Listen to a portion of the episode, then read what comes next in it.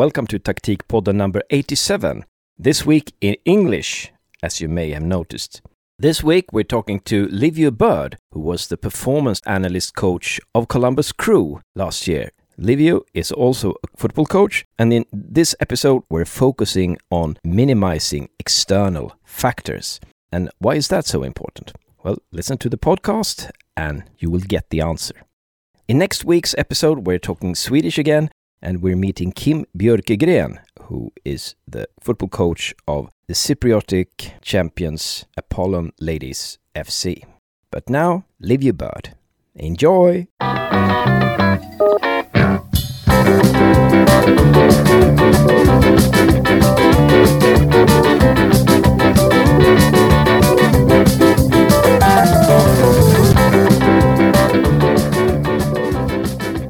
Welcome to Taktikpodden, you, Bird. Happy to be here.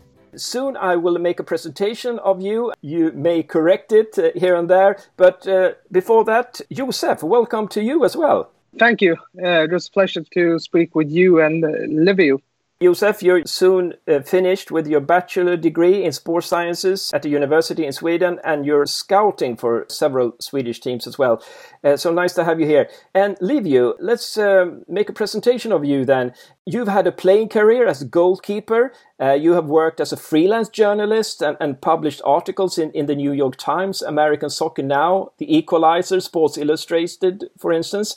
You've worked as an assistant coach slash scout uh, and head coach for Kitsap SC Pumas in a Premier Development League. You've worked as an assistant coach for Seattle Sounders U23 team, and you've worked uh, last year, maybe the peak of your career so far. You've worked as a video analyst and a performance coach for Columbus Crew in MLS, and you won the MLS Cup last year.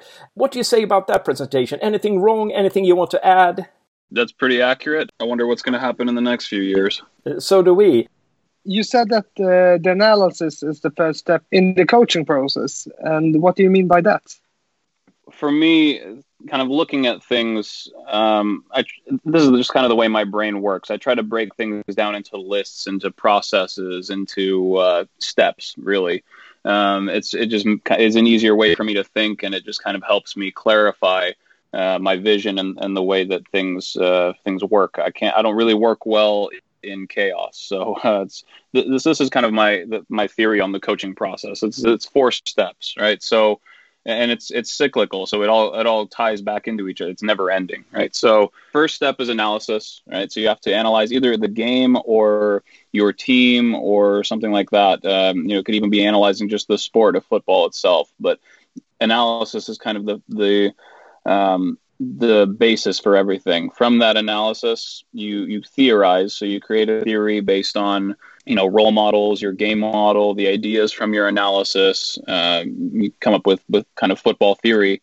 And then from there you conceptualize. So you come up with you know training sessions uh, game plans uh, ways to implement those ideas on the field and then execute right? So training sessions games um, this is what we see on tv on a saturday you know that the execution of those those theories and those concepts and then from there you analyze your execution and, and everything starts over again. So you know you analyze theorize conceptualize and execute. And it's just over and over and over. That's to me that's kind of the uh, the four step coaching process in a very basic sort of way. Mm-hmm.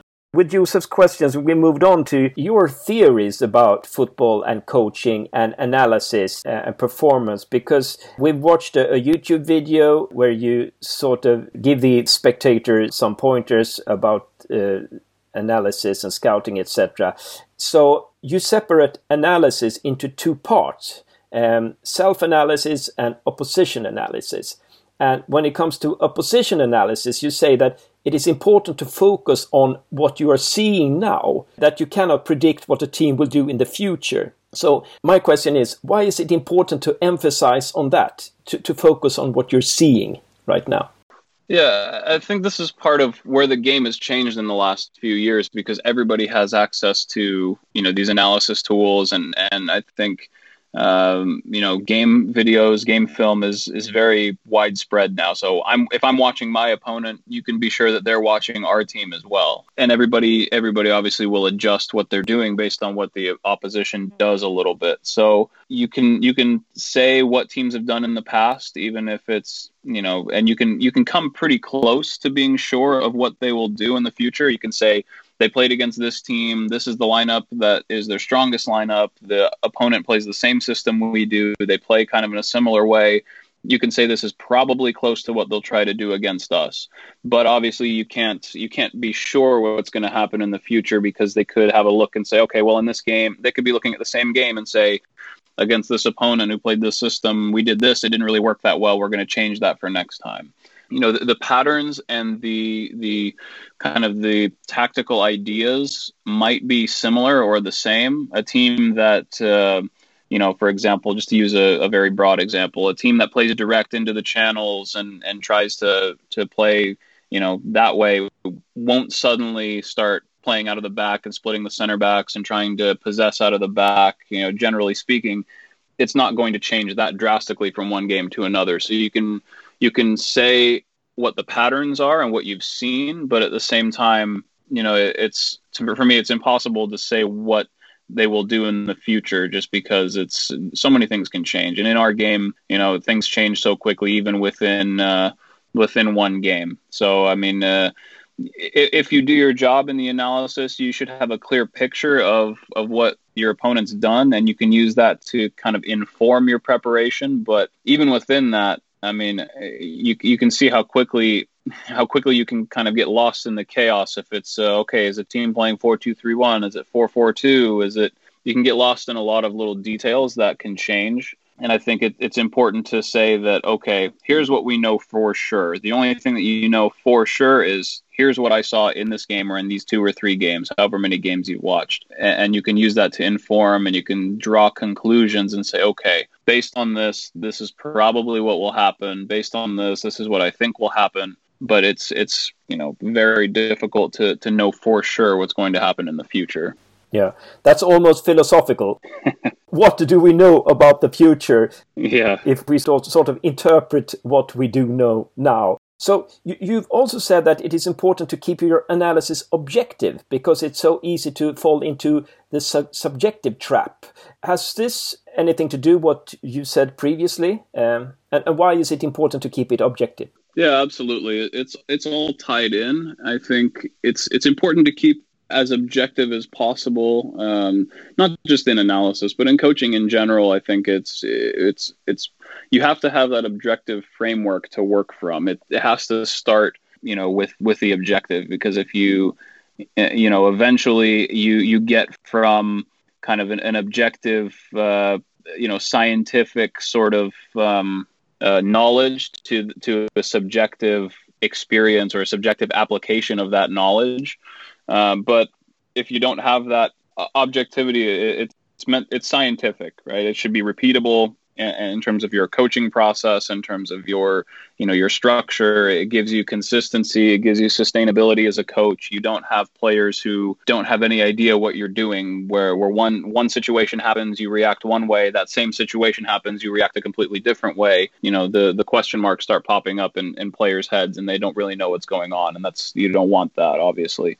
So you know that subjectivity right it's contextual. So it's an application um, based on the external factors, based on that objective knowledge and framework. If you skip straight to your kind of your subjective experience without an objective framework, it, it just you get chaos. Sometimes it works, sometimes it doesn't. You never really understand why. Um, and you don't, you know, th- there's not a lot of there's there's not a lot of ways to change your your coaching if it's not based on that kind of objective principle. Could you give us an example if you were a coach and you sort of are being subjective without having that objective uh, sort of a frame, how would it sound? Yeah, the the easiest. this is a big uh, kind of a big trigger for me. But whenever somebody says, "Oh, I've been doing this for a long time, and I'm going to do this this way because I've always done it this way," or um, I, have you know this is how it was done when I played, and you know so that, that's how I'm going to do it now as a coach. Uh, just these, these kinds of to me that's subjective, right? It's a um, we've uh, it's always been done this way, and so that's why it's going to continue to be done this way. There's not a lot of actual justification. There's not a lot of uh, of thinking that goes into that. It's more just copy and paste. So here's uh, here's what was when I played. This is how my coach did it. So I'm going to copy that and I'm going to paste it into this context, and and I hope it works. I've always had a number nine who is a small player. I don't, I don't want a number nine who is uh, over six feet tall or something. Could that be a yeah. subjective trap? Yeah, absolutely, absolutely. Un- unless, I mean, I, I don't think there's any way you could possibly justify that, right? But if if you have you know if you have something you know a weird detail like that that you can justify with an objective sort of concept then sure but i mean that's something that yeah the difference between a, a number nine who's tall versus a number nine who's short i mean it, does, that really you know that's not that shouldn't be what we're looking for so yeah that's a good example uh, I know that Josef has a question, but I will just say it, it sounds like a bit superstitious uh, like be a mantra or something. I, I, will always do that because it has given given me luck. That's that's a great way of putting it. It's it's it's coaching with superstition. It's coaching based on. Uh, it's a it's a great great word. Superstition. It's I like it. I learned something new today here myself. So there you go. I'm gonna use I'm gonna use that from now on for sure. yeah, Rem- remember to quote me and uh, every time you use it, and uh, give them uh, give them my homepage uh, address, etc. How do you keep yourself objective while you are coaching? That's always the question, right? It's uh, because of our sport, it, it it tends to trigger you know the experience when you're playing a game, or when you're coaching a game, when you're in a training session. Uh, it triggers a lot of emotions, a lot of feelings, a lot of uh, opinions, right? A lot of a lot of things. Um, and you know, at a certain point, you have to for me I, I, always try to step back from kind of an emotional standpoint and, and look at it from again i just sort of remind myself what are you actually seeing like can you look at this objectively don't get caught up in the emotion of the game you know if, if you don't get caught up in in whatever's happening take a step back and look at it objectively. So uh, for me, a lot of it is just repeating, just repeating the okay, you have to be objective, be objective. It, you know, it's you can get caught up in that emotion, and we all we've all been there. Yelled at my fair share of referees just because you get caught up in the emotion of the game, and you kind of you think about things that you know you shouldn't be thinking about. So it's really it's a it's a brain training sort of exercise where you have to think about the right things. You have to keep yourself thinking about the right things, and you have to keep yourself, more importantly, from thinking about the wrong things, such as, uh, you know, oh, the weather is bad, or the field is is in bad condition, or this ref is having a terrible game, or you know, I had a bad morning this this morning, and you know, a lot of things, kind of the the external factors. Coaching is about uh, removing the external factors as much as possible. So you remove kind of this element of luck or the element of, of chance, which exists to a certain extent always. But if you can remove it as best as possible, um, then you you find yourself even if you lose, even if you don't end up with the result you want, I, I find it's easier to look back and and say, okay, the other team was just better, and and we'll we'll try to fix that. And here's one, two, three areas we can try to get better, rather than uh, you know trying to rather than getting emotional and blaming external factors, thinking about the wrong things. I think that's that's kind of that's how I try to keep myself objective anyway. There is so much psychology in sports, and uh, you hear coaches now and then say when when their team is losing, "Well, I felt when we walked into the game, I felt that this would be one of those days," or when the opponent scored that goal, I felt that it would just be one of those days when we didn't succeed, and that's mm. crap, really. you get lost in your feelings. Yeah you know it's one thing to and it's it's tough because coaches at the top level now, the moment they step off the field, what happens? They have a microphone shoved in their face, and, and you have reporters asking, What happened? What happened? What happened? So, I mean, a lot of it comes from the environment of the sport, but to a certain extent, you know, for me, you can train your brain to deal with it a little bit. It's it, it will. I mean, we're only human, right? It does get to you eventually, but um, but it's it's part of that kind of brain training and and what do you think about and what do you allow yourself to think about and what do you when when you have a, a thought about the wrong thing can you bring it back to what you need to be thinking about as quickly as possible? Because i mean you will have thoughts about oh the weather's crap or oh that was a bad call. But then you just need to bring it back to okay what's the next action? How do i oh you know instead of getting caught up in uh, yelling at the referee for a bad red card it's got to be right away okay get that out of your brain. How do we adjust? What are we going to do? How do we go how do we move forward? What's the next action? It's always has to be about the next action. Maybe that's why it's so important for coaches to, to, to work as a team because then you can sort of mm, reflect one another, mirror one another, and, and, tell each other when you're sort of moving into the subjective area.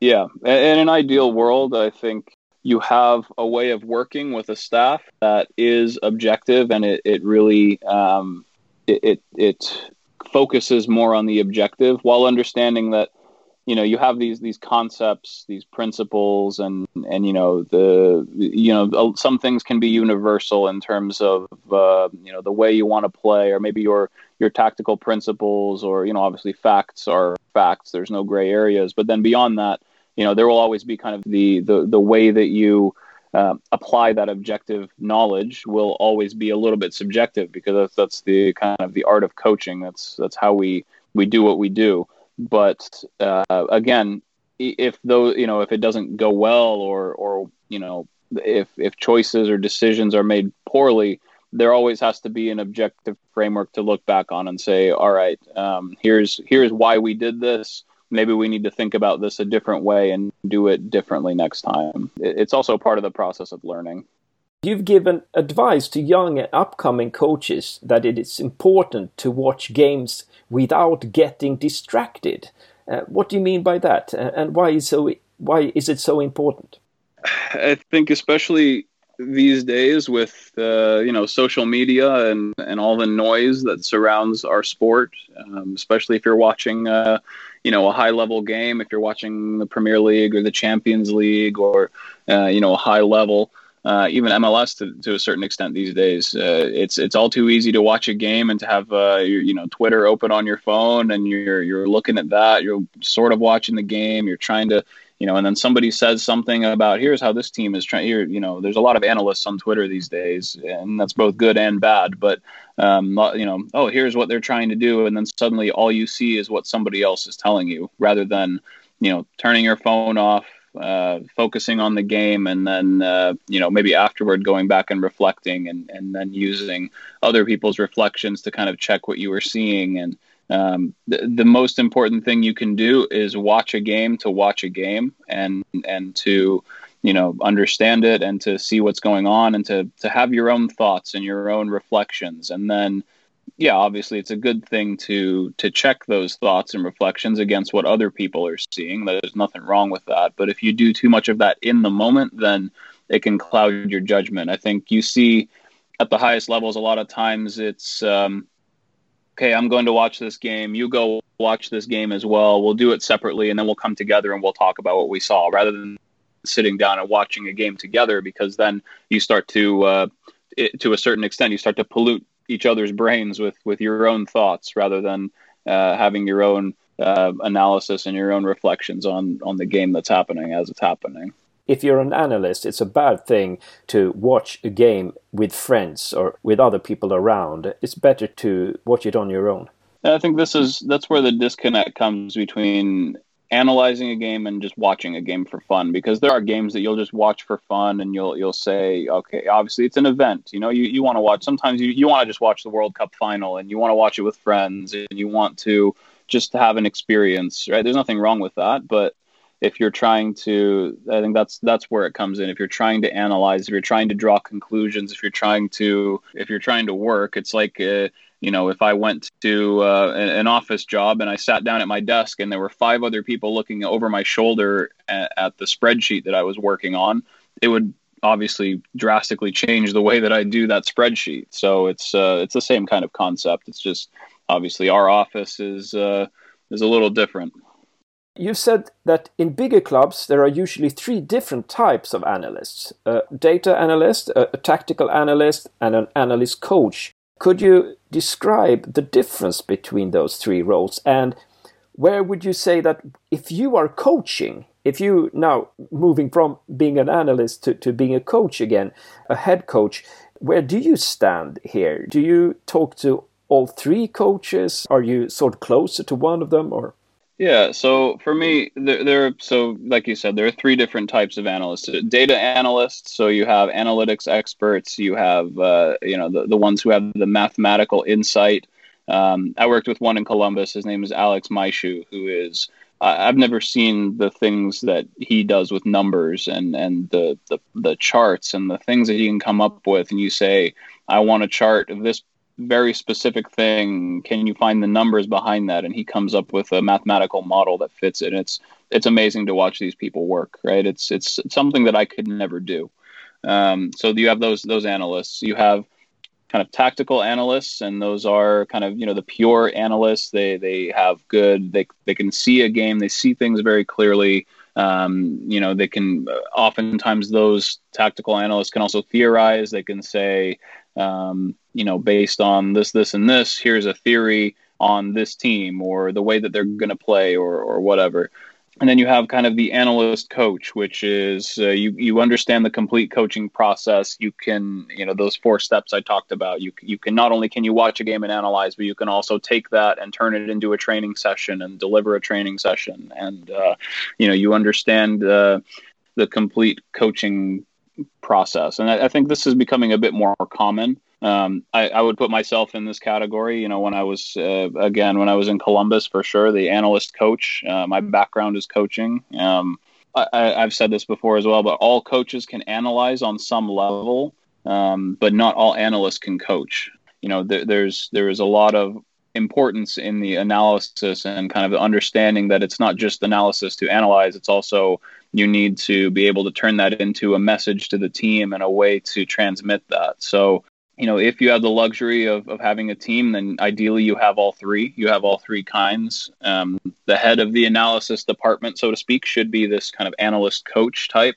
um, who can kind of take all of this information and, and synthesize it and make it useful um, because uh, otherwise all you have is a bunch of numbers, a bunch of pictures, and a bunch of ideas. But what does it actually mean? You know, if you're the head coach, then I think you know it is important to talk to everybody and to understand and to you know ask like, hey, data analyst, what do the numbers say? Like, if you do have some insight, do you have something to to to tell me that you think might help? You know, because obviously everybody has good ideas on a on a giant staff like that. So, but at the same time, you know, if you're if you're pressed for time and you you need uh, you need a quick snapshot of what's going on. Uh, you know, the analyst coach the head of your de- anal- analysis department. That's the one you'll probably be closer to, and you ask him, okay, what is everything telling us? Can you put this all together and, and tell me what is this next team that we're playing against? What do they do, or how do we approach this game, or you know, if you're talking about and analyzing your own team, you say, okay, what what about our last three performances? Uh, what, what can you tell me? You know, that sort of thing.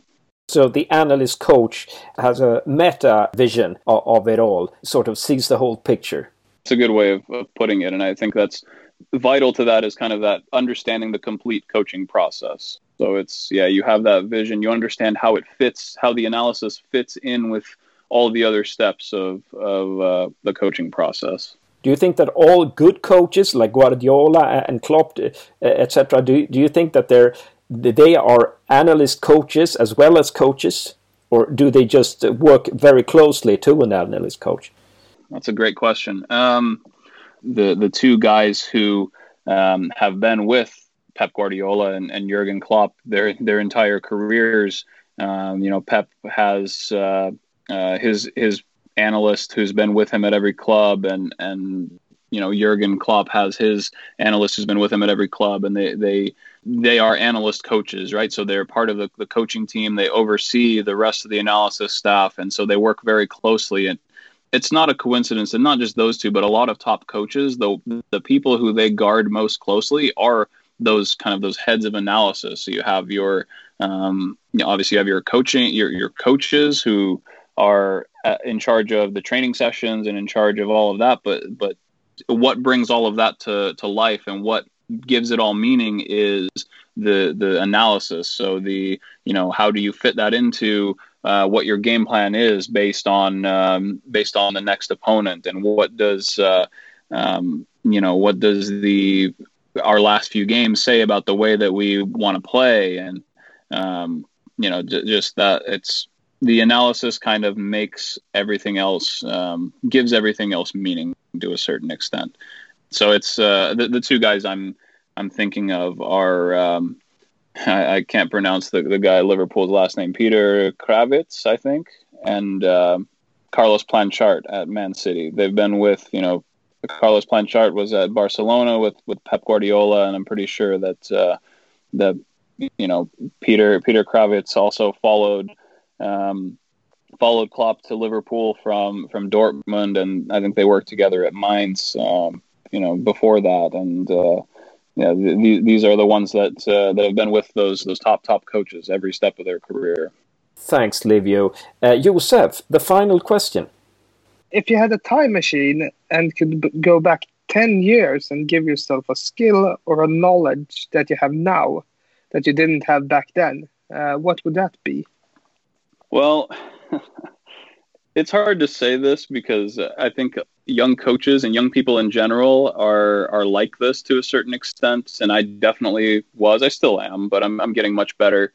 Um, but the advice I would give myself is listen more than you speak. I mean, uh, don't think that you know everything. Don't don't uh, don't miss any opportunity to to learn from the people you're working with, and uh, to to also take a step back and, and you don't have to, to respond right away to everything you hear. It's not, you, you don't have to have something to say every time somebody says something. Sometimes it's just about listening and understanding and, and thinking about things. And it's, you know, it's not, you, you don't want to, for me, I, I've realized that you don't necessarily want to be the person who speaks most in the room. You know, you, you want to, to have good input when the, when the moment comes, but um, but it's not just about constantly talking to hear yourself talk or understanding that it's.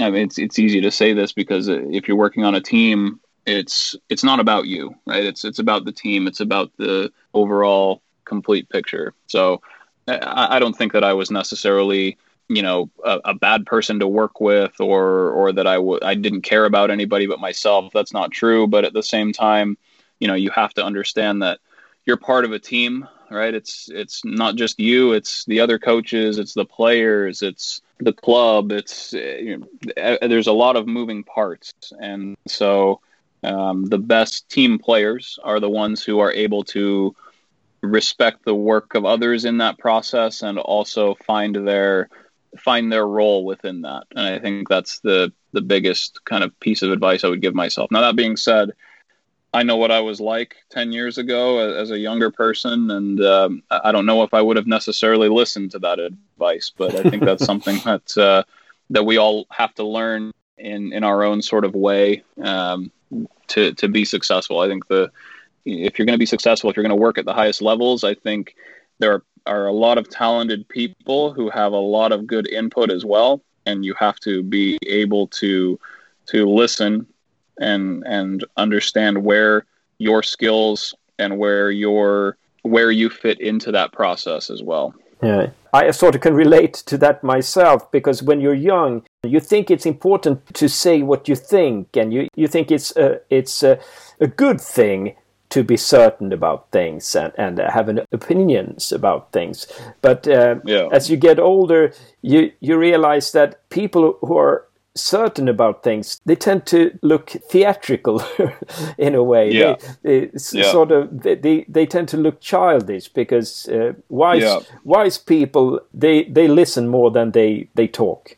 Absolutely, one hundred percent. And I think uh, you know the the there's that old saying that you don't know how much you don't know. You know, the only way you you you start to approach that is if you, like you said, if you're willing to listen more than you speak. Uh, many thanks, Liviu, for being a guest in Taktikpodden. Uh, very nice speaking to you, and uh, hopefully we can get back to you in in a in a couple of years' time and see where you are in your in your development and in your career. Absolutely. Thanks for having me, guys. It was it was a lot of fun, and uh, yeah, I, I need to I need to get over to Sweden at some point. It's it's on my list for sure and very well done, Yusuf. Good job. Thank you, Hans, and thank you, Olivia.